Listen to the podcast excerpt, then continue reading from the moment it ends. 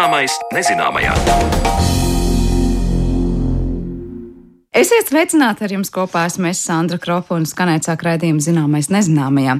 Šodien mēs tajā pievēršamies putniem. Tehnoloģijas ļauj ielūkoties putnu likstu dzīvē, vērot tās tiešraidē ļoti naturālā realitātes šovā, bet pavisam citas tehnoloģijas vajadzīgas, lai iepazītu putnu dzīvi lidojumā un migrējot. Raidījumā skaidrosim, kā ar dažādām ierīcēm var iepazīt putnu tālos ceļojumus un kāpēc tas ir būtiski pētniekiem. Bet pirms tam uzzināsim par kādu cilvēku piekoptu bīstamu praksi, kas kaitē putnu putniem. Jau pirms vairākiem gadiem ornitologi vērsa sabiedrības uzmanību uz to, ka vajadzētu aizliegt svina munīcijas lietošanu medību laikā, jo ar svina skrotīm saindējas gan ūdens putni tās noturot par barību, gan arī plēsīgie putni, kuri barojas ar kādu šādu nomedītu dzīvnieku. Par to, kāda ir situācija šobrīd un kāds varētu būt risinājums, Zanis Lācis Baltāksnes saruna ar ornitologu Jāni Čuzi. Saindēšanās ar svinu neapšaubāmi ir problēma, un pieaugot informācijas apjomam, kas ir mūsu rīcībā, mēs arvien vairāk pārliecināmies, ka tā ir problēma arī tiem lielajiem plēsējiem, kas ir sastopami Latvijā. Tā saka ornitologs Jānis Čūze. Svins ir smagais metāls, par kura toksiskajām īpašībām pārsvarā tiek runāts saistībā ar autotransporta piesārņojumu izraisīšanu apkārtējā vidē. Taču arī medību munīcijā esošās svinas krotis ir drauds ne tikai tiem dzīvniekiem, kuri tiek medīti ar šādu munīciju, bet to postošā ietekme ir daudz plašāka. Un arī par šo jautājumu jau nereizi vien ir runāts plašsaziņas līdzekļos. Pirms lūkojam, vai ir kādas pārmaiņas šajā jautājumā, ornitologs un Latvijas dabas fonda padomes loceklis Jānis Čuze attālināti ierakstītā sarunā skaidro, kā svina skrotis nodara ļaunumu medījamiem putniem un ne tikai tiem. Pašu saindēšanos ar svinu parasti mēdz dalīt tādās divās lielās grupās. Pirmā grupa ir tā saucamā primārā saindēšanās, un Labākais piemērs šeit ir uh, ūdensputni, kas uh, mēdz norīt ūdenstilpē atrodamās svinas krotas, kas ir uh, nogrimušas uz um, ūdenstilpes grunts. Putnu medībās tiek izmantotas tādas skrotas, kā mēs labi zinām, un no, nu, praksa rāda, ka tikai niecīga daļa no skrotīm, kas uz putniem tiek izšautas, reāli trāpa putniem. Lielākā daļa netrāpa, un, un šīs skrotas nonāk um, dabā. Tā skaitā iebirst iekšā uh, ūdenstilpēs, pie kurām šīs medības notiek. Un, um, Ir īpaši vietās, kur ūdens tilpē ir tīrs, smilšains vai uh, akmeņains dibens, kur šīs uh, skrotas nenomrimst dūņās tās kļūst pieejamas putniem. Un uh, pīles mēdz uh, rīt mazus akmentiņus, kas palīdz viņām muskuļkuņģī sagremot uh, barību. Un uh, šo akmentiņu vietā nereti tiek norītas uh, skrotas, tur, kur tās ir pieejamas. Un uh, šie putni saindējās, tāpēc, ka kuģis skābes ietekmē šis viens pamazām šķīst. Un putni smagi saindējās, un šī saindēšanās izpaužās kā novājēšana, nu, teiksim, spēku izsīkums, un nu, pie lielākām koncentrācijām tas beidzas arī ar nāvi, tātad letāli. Un uh, otra lielā grupa ir sekundārā uzņemšana, kad um, plēsīgie putni apēd barības dzīvniekus, kas ir uh, saindējušies ar svinu, piemēram, šīs pašas pīles, kuras ir novārdzinātas un tādējādi ir vieglāk noķeramas. Vai arī apēda barība, kas ir piesārņota ar svinu munīciju, piemēram, tās ir dzīvnieku atliekas, kas tiek atstātas mežā pēc lielo dzīvnieku medībām.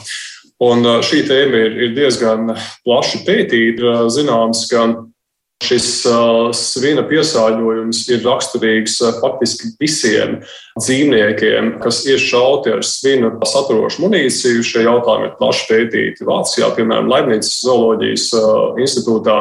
Un dzīvnieki ir vesti uz rengēnu pēc nošaušanas, lai skatītos, kā izskatās šis ķermenis tieši kontekstā ar šīm metāla daļiņām, kas palikušas šajos dzīvniekos iekšā. Un šis metāla daļiņu skaits vienā nošautā dzīvniekā var sasniegt pat 500 vai 600. Tātad absolūtais vairums ir ļoti sīki izmēri, mazākas par milimetru, bet lielākās var būt pat līdz 10 mm caurmērā. Un, ja putni diezgan labi spēj atlasīt lielākas daļiņas, tādas, kas ir izmēros virs 8 mm un nenorīt, tad tādas, kas ir izmēros mazākas par nedaudz vairāk kā 4 mm, īsti atlasītas netiek un tās tiek norītas. Tātad, ja pēc uh, lielo dzīvītāju dzīvnieku medībām, kad mežā tiek atstātas teiksim, šo dzīvnieku iekšas kaut kāda vairāk sašauta gabala, vai, piemēram, kad dzīvnieks aiziet no šīs šāvienu vietas dzīves un nobeidzās teiksim, gabalu tālāk un netiek atrasts. Un pēc tam šo dzīvnieku apēda plēsēji, kas ziemā bieži kļūst par maitādājiem, nu, un tādi kļūst arī jūrasīgi un, un klinšīgi viņi šīs svina atliekas uzņem un attiecīgi tālāk arī saindējās. Jāni, jūs pieminējāt uh, Vācijā notiekošos pētījumus, bet uh, kā tas ir pie mums Latvijā? Vai notiek arī še mītošo, ja pareizāk sakot, reiz mitušo putnu pārbaude? Jā, Latvijā nu jau daudzus gadus mēs veicam atrasto jūras iegu un kliņšu iegu izmeklēšanu, kas tiek veikts institūtā Bior. Un tas parastais protokols, parastā kārtība, kā tas notiek, ir šāds. Putnam no sākuma tiek veikta pilna sekcija, lai saprastu, vai nav notikušas kādas traumas, piemēram, vai nav redzams to pašu šāvienu tādas. Un pēc tam tiek veiktas arī ķīmiskās analīzes, proti, tiek ņemta parauga galvenokārt no aknām, lai skatītos uz svina klātbūtni. Un šo svina koncentrāciju mēra daļiņās uz miljoniem ppm un parasti skatās sauso masu. Un tiek uzskatīts, ka, ja šis skaits pārsniedz 6, tas jau putnam ir bīstami, un tālāk pie 23 daļiņām šī saindēšanās kļūst nāvējoša. Un uh, no tiem gadījumiem, ko mēs esam uh, konstatējuši Latvijā, mums ir tātad vismaz 4 vai 5 gadījumi, kad laboratoriski ir pierādīta saindēšanās uz vīnu, kas ir uh, bijis putna nāves iemesls. Un uh, ir arī vēl virkne gadījumu, kad uh, nāves iemesls visticamākais ir bijis cits, kā piemēram trauma. Tajā pašā laikā putna organismā ir konstatēts paaugstināts svina klātbūtne. Un, un jūras iegas nav vienīgā suga. Mēs šādu saindīšanos ar svinu esam konstatējuši arī klinšu iegniem. Kādi ir tie soļi, ko jūs varat darīt, lai samazinātu vai labākā gadījumā izskaustu šīs svina munīcijas lietošanu? Pirmkārt, mēs uh, varam aicināt mednieku apsvērt šos uh, argumentus un atteikties no svina munīcijas lietošanas. Jo, kā stāsta kolēģi, kas paši ir mednieki, šobrīd bez svina alternatīvas var atrast principā visiem medību munīcijas veidiem. Jo ir svarīgi paturēt prātā, ka izmantojot svinu munīciju, nu, mēs ne tikai nodaram pāri dabai, mēs principā arī skādējam pašu sevi, šo pašu medījumu gaļu, protams, ka mednieki nes uz mājām un ar to baro savus ģimenes. Jo nu, iepriekš jau minēju, ka šī šāviena rezultātā šī dzīvnieka ķermenī var nokļūt milzīgs daudzums ļoti sīku svina daļiņu, kuras dažkārt pat ar neapbruņotu aci īsti nevar redzēt. Un, ja tādas nu, sašautākos gabalus, lielākos šos munīcijas gabalus mēs vēl varam redzēt un atlikt malā, tad ar to sīko daļiņu atlasīšanu tas nav tik vienkārši. Un, nu, principā, skatoties rengenā, tas ir tāds mākonis, sīkām skaidiņām ko principā nu, izlasīt ārā no tās gaļas īsti tehniski nav iespējams. Tas, ko mēs esam dzirdējuši, ka ir mednieki, kas uzskata, ka bezsvina munīcija ir dārga, ir tādi, kas uzskata, ka bezsvina munīcija nav piemērota tieši viņu izmantotiem ieročiem, un ir tādi, kas uz, uzskata, ka bezsvina munīcija tādā balistiskā ziņā šīs īpašības ir sliktākas nekā svinas atrošai munīcijai. Jau pirms četriem gadiem, 2018. gadā, dabas aizsardzības pārvalde noteica aizliegumu izmantot svinu saturošu munīciju īpaši aizsargājamās dabas teritorijās Latvijā ūdensputnu medību laikā. Jautāja Jānim Čusem, vai šis aizliegums ir uzlabojis putnu stāvokli Latvijas dabā. Jā, tas ir tikai daļējs risinājums, neapšaubām. Tas ir vērtējums kā mazs solis pareizā virzienā, bet tā atbilde slēpjas tajā, ka vajadzētu nonākt pie pilnīgas svina munīcijas aizliegšanas, jo toksisks, protams, ir ne tikai svina skrotas, kuras es jau pieminēju iepriekš, kas tiek izmantotas putnu medībās, bet toksiski ir arī lielo dzīvnieku pārneģu medībās izmantotā munīcija, kas arī daudzos gadījumos joprojām satur svinu, un tāda, kas tāpat nonāk dabā.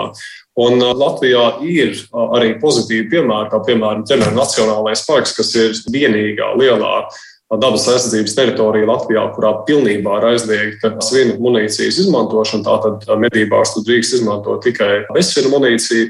Bet nu, atkal ķemeru Nacionālais parks ir salīdzinoši nu, neliela Latvijas teritorijas daļa. Protams, ka tas to lielo problēmu nerisina.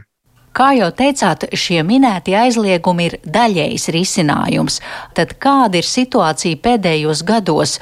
Cik daudz putnu tiešā un netiešā veidā ir cietuši no svina skrotīm? Tas ir vairāki gadījumi no 2021. gada. Ir bijuši divi gadījumi, kad ir konstatēta saindēšanās ar svinu, bet nu, pašu putnu nāves iemesls ir bijis cits. Un tad vēl gadu atpakaļ ir bijis smags saindēšanās gadījums. 19. gadā ir bijis saindēšanās gadījums ar svinu, un tad uh, 18. gadā principā mēs katru gadu konstatējam vienu vai vairākus gadījumus, kad ir notikusi šī saindēšanās. Bet uh, ir uh, vietas, kur uh, ir uh, šis paraugkopes izmērs ir bijis krietni lielāks, kā piemēram Vācijā ir veikts ļoti apjomīgs pētījums, kur 390 ēgļi šajā pašā Laimnīcas institūtā ir, ir pētīti, mm, lai noskaidrotu nāves iemeslus. Ir konstatēts, ka 23% gadījumu tiešanās ar svinu ir bijis nāves iemesls. Savukārt, citā gadījumā Zviedrijā, kur arī ir skatīta liela paraugkopa, 118 beigti putni, 22% no šiem putniem ir konstatēts paaugstināts svina līmenis, un 14% no šiem gadījumiem ir bijis pamats uzskatīt, ka tieši saindēšanās ar svinu ir bijis nāves iemesls. Kādus jūs, ornitologi un dabas aizsardzības pārvaldes eksperti, redzat iespējas, ko var darīt putnu, un kā mēs šajā sarunā dzirdējām, ne tikai putnu, bet arī mūsu pašu veselības labā? Nu, jāatzīst, ka mūsu iespējas kaut ko mainīt ir ierobežotas, bet tās noteikti nav tuvu nulē. Mēs vēl pāris gadus atpakaļ vērsām vidas aizsardzības reģionālās attīstības ministrijas uzmanību uz, šo problēmu. Un, nu, toreiz dzirdējām atbildi, ka svina munīcijas aizliegums nav risinājums, bet nu, mēs nedzirdējām atbildi, kas tad īsti būtu uzskatāms par risinājumu. Kā veiksies cīņā par videi draudzīgāku putnu metīšanu, to mēs vēl nezinām. Pagaidām ir jāpriecājas par tiem mazajiem panākumiem, kas līdz šim ir iegūti, aizliedzot svinu saturošu munīciju, izmantot īpaši aizsargājamās dabas teritorijās. Tik tālu par ūdens putnu medībām, bet raidījuma turpinājumā pievēršamies tehnoloģijām, kas ļauj tuvāk iepazīt putnu dzīvi un migrāciju. Pavasaris ir priecīgs laiks tiem, kuri gaida atgriežamies gaiputnus, un nu jau Latvijas mežos, laukos un dārzos ieradušās vairums no Latvijā likstojošajām migrējošo putnu sugām, tostarp arī mājas strāzdi, kuru migrācijas ceļu pētīt ar kādu unikālu metodu. Turpmākajās minūtēs skaidrosim, kā tehnoloģijas ļauj izsekot līdz putnu ceļam šurpu turpu starp savām mītnes zemēm un ko tās var pastāstīt mums par dzīvi, kurai neesam liecinieki. Tieši tāpēc mūsu studijā es sveicu ornitologu un Latvijas Universitātes Bioloģijas institūta ornitoloģijas laboratorijas vadītāju, arī vadošo pētnieku Oskaru Keišu. Labdien! Labdien!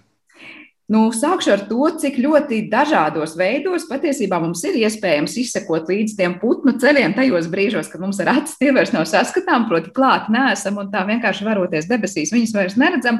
Mēs daudz esam dzirdējuši par eh, GPS raidītājiem, kas ir pielikt klāt tur stārķiem un šiem lielajiem putniem, un mēs spējam izsekot līdzi, bet es ticu un zinu, ka tas nebūtu nav vienīgais veids. Kas šobrīd ir tā, nu, es nezinu, top metode, kurā uh, sekot līdzi migrējošiem putniem?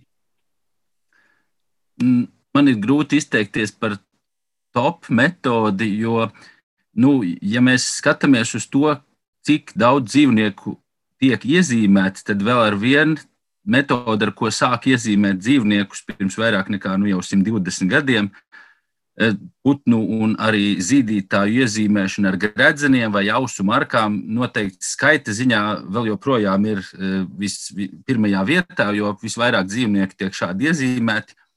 Nu, Trūkums šai metodei, protams, ir, ka ļoti maz, nu, vai salīdzinoši maz no šiem dzīvniekiem tiek noķerti otrreiz. Nu, ja dzīvnieki ir rezidenti, tad viņus var novērot atkal un atkal. Un tad droši vien vispopulārākais piemērs Latvijā ir augurknābi gulbi, kurus novēro ar kakla gredzeniem. Tie ir viegli tālu redzami. Bet nu, jaunākā metode ir tā, ar ko mēs strādājam, tie ir geolokatori. Nu, tā ir piemīt nu, tas pats trūkums, jo putns jānoķer otrais, bet viņai ir daudz lielākas iespējas izsekot nevis putnu tikai sākumu un beigu punktā, kāds ir ar gredzeniem vai ausu markām iezīmētajiem putniem un zīdītājiem, bet izsekot cauri visam ceļam no noķeršanas brīža līdz atkal noķeršanas brīdim. Tātad šis mazais mehānisms ieraksta dažādus parametrus, pēc kā mēs varam noteikt, ko tad putns ir vai zīdītājs darījis. Bet mēs varam arī redzēt precīzi tā atrašanās vietu, vai kāda ir tā informācija, ko no šīs geolokācijas? Nu, šādus geolokatorus uh, izmanto pēdējos no apmēram 20 gadus, un uh, tehnoloģijas iet uz priekšu milzu soļiem, un ja pirms gadiem 15 uh, šīs te um, lokācijas vietas bija aptuvenas vai ļoti aptuvenas, tad eh, laikam ejot, viņas kļūst aizvien precīzākas. Un arī pat geolokātoru mehānisms kļūst aizvien, eh, nu, kāpēc viņš kļūst precīzāks. Ja sākotnēji ja geolokātori ierakstīja tikai gaismu, tad eh, nākamās paudzes geolokātori, kādus mēs arī izmantojam, ieraksta arī gaismas, gaisa spiedienu, temperatūru un vietās un aktivitāti putnu. Un vietās, kur ir plašs novērojumu tīkls eh, meteoroloģiskiem novērojumiem, kā Eiropā, mēs šos gaisa spiedienu rādījumus varam salīdzināt ar mūsu ierīces nolasītiem rādījumiem un daudz precīzāk noteikt, kur putns šajā brīdī ir bijis, ja viņš ir atpūties. Nu, vai arī, ja gaisa spiediens ir strauji krities un uz pāris stundām putns ir pacēlies augstu virs zemes un veicis migrācijas lidojumu. Tā kā pamazām tehnoloģija kļūst aizvien precīzāka. Jā, tad daudz interesanti jautājumi, ko gribētu precizēt par tām gaisa spiediena atšķirībām un kāpēc tā var noteikt, kur putns atrodas. Bet pirms tam es gribēju vaicāt, kā izskatās vispār pati tā ierīce, ja mēs runājam par maziem putniem, kad, kuriem pieliek šādu klātu un kur to piestiprina un kā tas ietekmē pašu putnu, es nezinu, spējas pārvietoties un, un, un, un nezinu, pacelties un nolaisties savā lidojumā.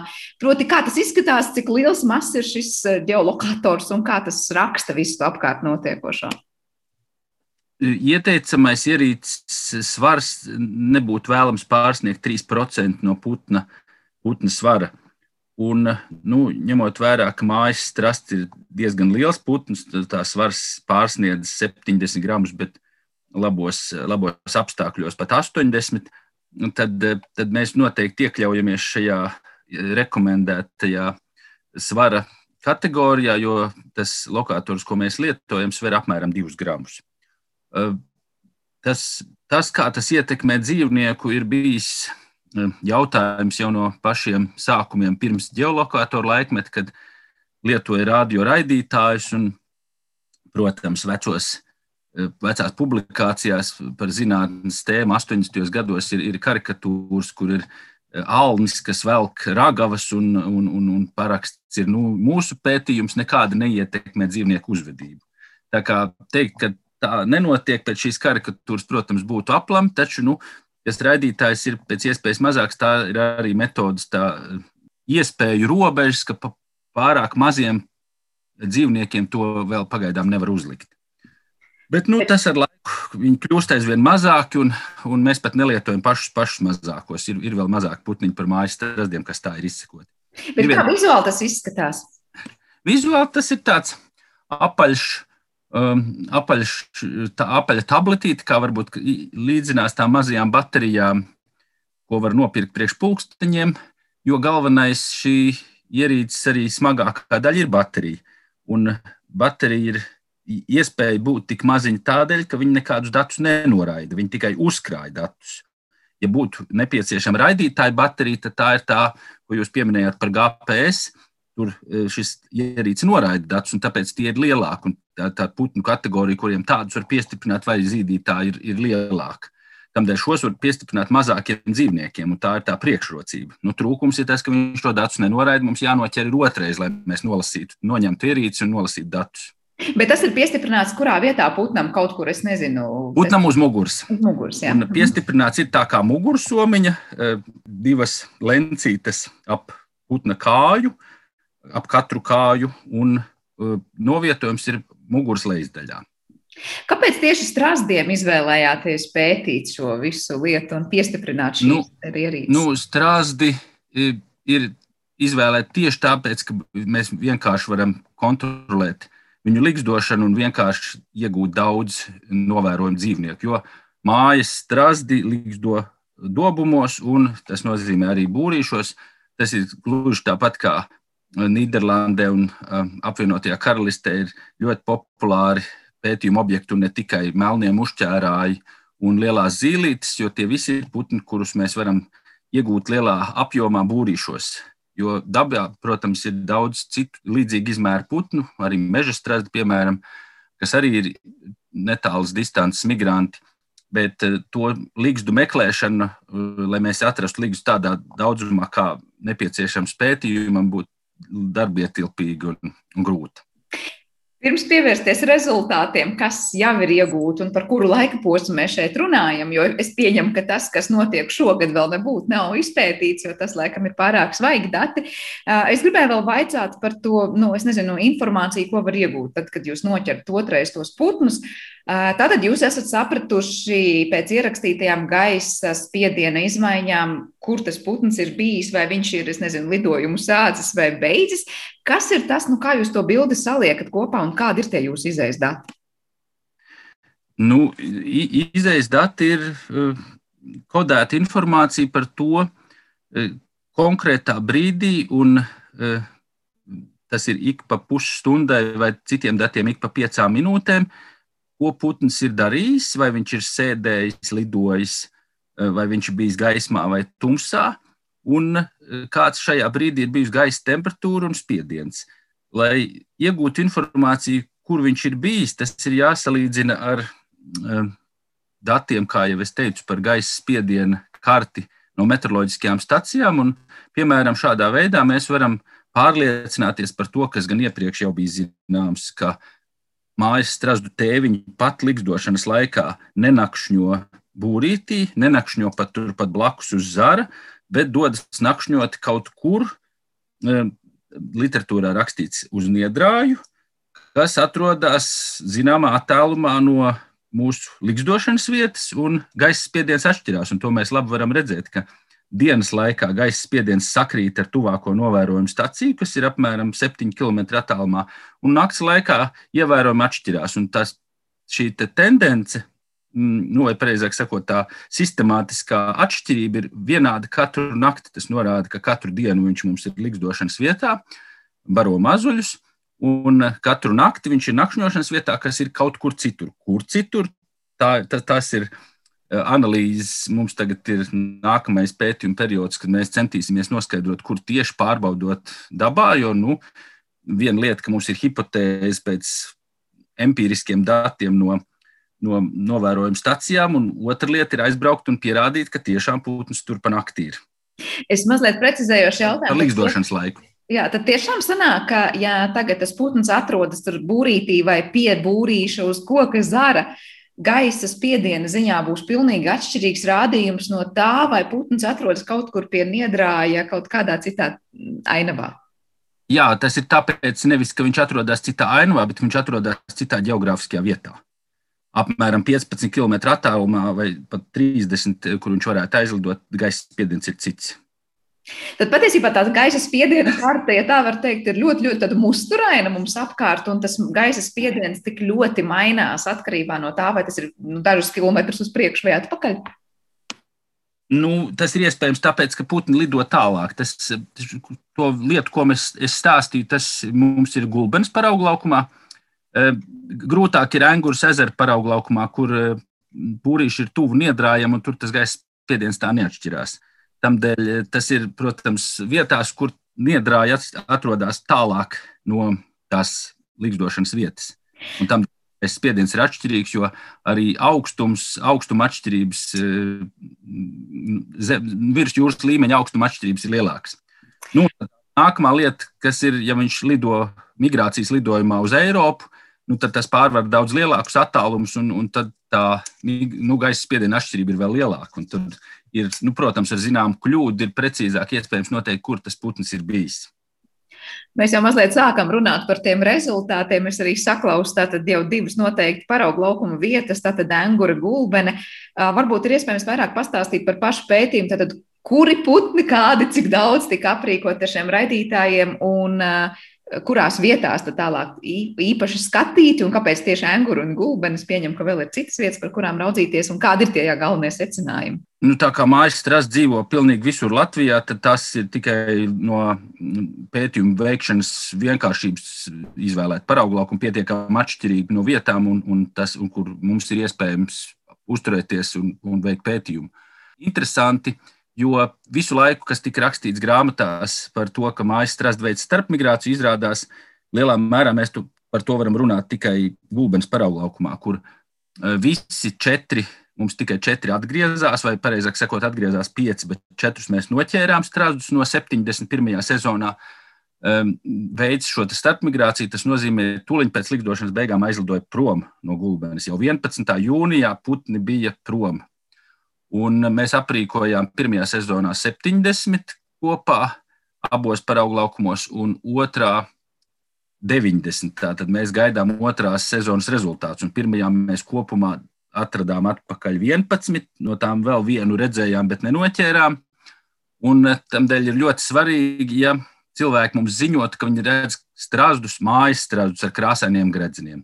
Nu, pagājušā gada pieredze ir tā, ka mums bija divi ziņojumi Vienā gadījumā bija redzēts vienkāršs strasts, pie tam iespējams melnais meža strasts, nevis mājas. Un otrā gadījumā ziņa bija pavisam interesanta. Ziņa bija no alojas kapiem, kur arī bija redzēts mājas strasts ar zilu gredzenu. Mm, mēs, mūsu kolēģi tur aizbrauca, diemžēl neredzēja, bet tas jau neliecina, ka tas putns tur nebija. Tur viņš varēja arī būt.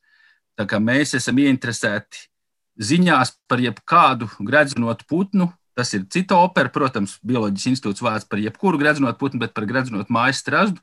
Bet, ja šim mājas strazdam ir krāsains gredzens, tad tas ir tā vērts, ka mēs brauksim šo te baudīt un mēģināsim noķert. Tātad tas noteikti ir jūsu interesējošais putns, eh, interesanti informācijas sniedzošs, bet kur ir jāziņo un kā? Vai tie ir dabas dati vai tas ir eh, ornitoloģijas? Eh, ja, ja, tas, ja, ja tas notiek dabas datos, tad ļoti ticam, ka es to informāciju agri vai vēlu saņemšu, bet es aicinu visus rakstīt man e-pastā oskars.keis ar divi S, mans uzvārds bez eš, at lu.lv.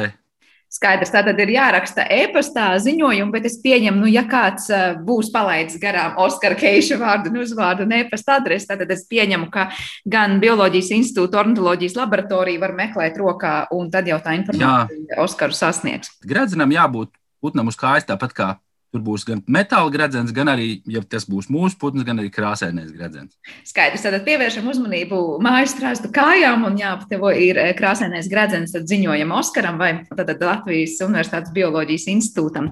Bet uh, gribēju vēl vaicāt, nu tādā plašākā mērogā par tiem datiem, ko iegūstat un to pētījumu, ko veicat. Protams, ir interesanti uzzināt, kad tas putns ir aizlidojis, atlidojis, kur bijis un kur nakšņojis un kā pa dienu pavadījis laiku.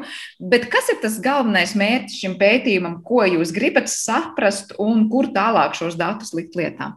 Jau vēsturiski šie eh, novērojumi ar dažādiem, dažādām ierīcēm, es, es principā gatavojoties pārraidai, apskatījos, kad ir pirmais radiotelemetrijas pētījums un publicēts tas jau ir 1966. gadā. Un eh, šajā publikācijā ir pētīta eh, vedela roņa niršanas dziļums. Ar šiem attālinātiem pētījumiem pēta visdažādākās norises dzīvnieku dzīvē. Mūsu pirmais uzdevums, kad mēs plānojām projektu kopā ar um, mūsu kolēģi Latvijas Universitātes Bioloģijas institūtā, bet arī Šveices ornitoloģijas institūtā Mārtiņu Briedi, bija noskaidrot, kā vairošanās Eh, ietekmē putna turpmākās dzīves gaitas, respektīvi mūsu pētījumā vēl papildus šim aprīkošanai ar geolokatoriem notiek manipulācija ar līgstu. Respektīvi, ir līgstas, kurām mēs eh, atņemam vienu mazuli, un tikpat lielas līgstas, kurām mēs šo mazuli pieliekam. Un gribam pārliecināties, kā vecāku rūpes, tātad tiem, kuriem noņem to vienu mazuli nost, paliek mazāk mazuļu, ko barot un tiem, kam pieliek klāt, ir pa vienu vairāk, un ir jābaro mazuļi intensīvāk, kā tas ietekmē viņu turpmāko migrāciju. Par šo es pagaidām neko nemāku daudz pateikt. Mēs gaidām arī nākamās sezonas rezultātus, bet eh, tas ir tas uzdevums, kā putnu enerģētika likstošanas laikā pēc tam ietekmē viņu migrācijas. Un tas ir saistīts arī ar to, kurā laikā putni perē, cik daudz barības viņiem ir pieejams. Par to, par ko pirms dažām nedēļām arī jūsu raidījumā runāja mans draugs un kolēģis Mārtiņš Briedis par to, vai tajā laikā, kad jābaro mazuļi, ir pietiekami daudz barības, respektīvi kukaiņu un to kāpuru un, un, un dažādu slieku, piemēram, vai tas laiks ir atšķirīgs un, un šāda barošanās iespēja nav. Šī principā ir fundamentālā zinātne, un ja kāds uzreiz teiks, nu, mēs jau mājas strazdus nevaram ēst, atšķirībā no pīlēm vai zosīm, tad, tad jā, un es gribu atkārtot nu, anekdotisko stāstu, kas iespējams arī ir patiesas par to, ka Tad, kad Ņūtons esot demonstrējis Anglijas karalienei elektrību, viņa esot skeptiski par to izteikusies, bet Ņūtons teica, nu, bet jūs vēl pieredzēsiet tos laikus, ka par to iekasēs nodokļus. Tad arī no šiem pētījumiem, lai šobrīd mums liktos, nu, tur praktiskā pielietojuma varbūt ir maz. Patiesībā mēs pat nezinām, kādu uh, pielietojumu tas varētu rast pēc kaut kāda laika, pavisam no negaidītas puses un negaidītā aspektā. Tā es saprotu, ja mēs par strazdiem. Nu, apmēram, jā, nu, kādam liksies varbūt būtiski, ka mēs esam konstatējuši, ka, piemēram, kurzems strazdi visticamāk tomēr ēd mūsu ķiršus, bet nu, man pašam tas liekas tikai tāds interesants artefakts, bet nevis nu, galvenais pētījuma rezultāts noteikti nē. Bet tas, ko es gribēju vēl pavaicāt, vai lietojot šo tehnoloģiju, mēs varam teikt, ka mēs esam uzzinājuši jau šobrīd kaut ko nu, fundamentāli jaunu par to, ko tie mūsu aizlidojušie strāzdi, migrējošie strāzdi dara tajās mītnes vietās, kad viņi tur, tur aizlido, kā saka, savā migrācijas ceļā, gan arī galamērķī. Vai mums patiesībā nekas tāds ļoti pārsteidzošs līdz šim par to viņu dzīvi citās teritorijās nav nācis nāc gaismā? Nu, lai cik dīvaini es tikko runāšu pretī sev, tas pārsteidzošais ir tas, ka kurzems strādā neveic starpmigrāciju, ka viņi uzturās likdošanas vietā līdz pat uh, oktobra beigām. To pat tiešām mēs iepriekš nezinājām, nebijām pat iedomājušies. Uh, tikko konferencē man viens profesors teica, ka viņš visu savu darba mūžu, esot studentiem stāstījis, ka strādi ir tie, kas veic starpmigrāciju, un izrādās, ka visas populācijas to nedara. Pagaidām mēs nezinām konkrēti robežu, kur tas sākās un kur beidzās, bet skaidrs, ka gulbenē to visu līdz, līdz šim darīja visi mūsu aprīkoties strāzdi un kurzemē neviens. Kāpēc tā? Kāpēc kurzemē neviens un gulbenē, gulbenē visi? Visticamāk ar klimatu saistīts, ka gulbenē ir augstāks, augstāka ziema un cits klimats. Eh, jā, tas ir nu, tā, mums nav nekāda pierādījuma, bet tā ir lielākā atšķirība. Tā kā zināms, gradients klimata gradients Latvijā nevis ziemeļu, dienvidu, bet austrumu rietumu virzienā, un šīs vietas atrodas pietiekami tālu tieši austrumu rietumu virzienā.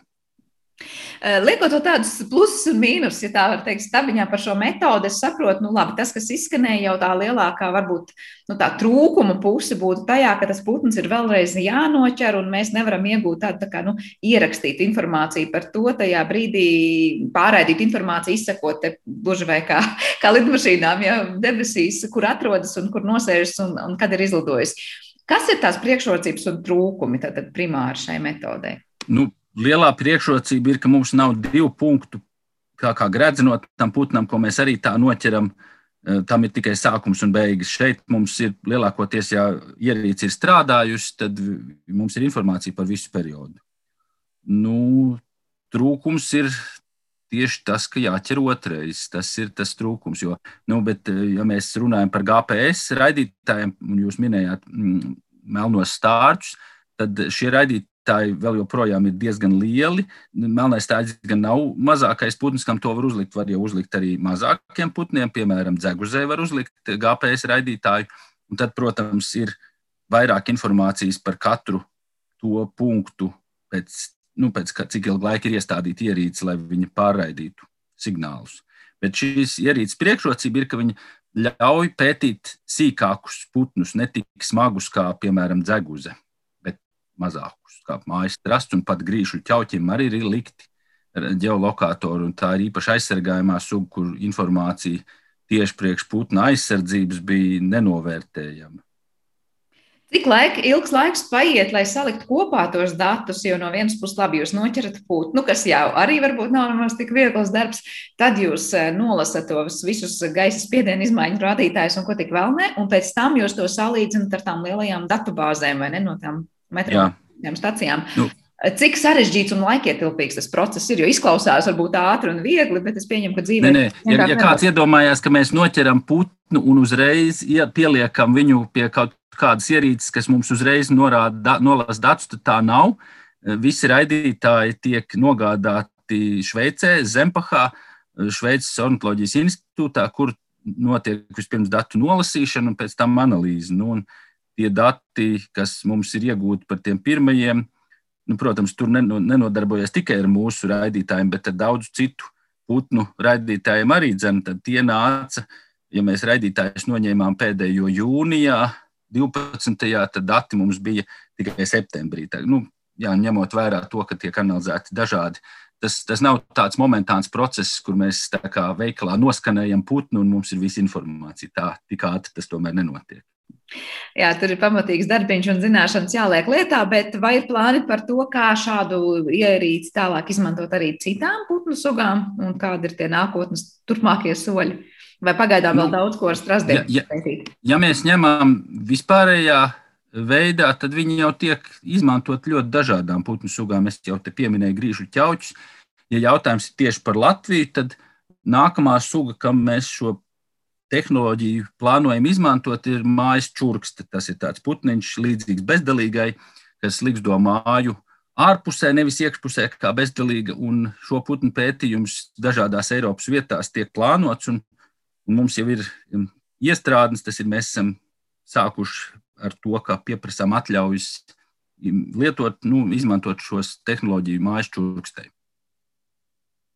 Tā kā tuvākā, tālākā nākotnē mēs varam sagaidīt interesantus datus arī par citiem putniem, un es saprotu, ka tiešām darbs ir tikai un vienīgi sācies jau, un tas vēl nebūtu nav finiša taisnē.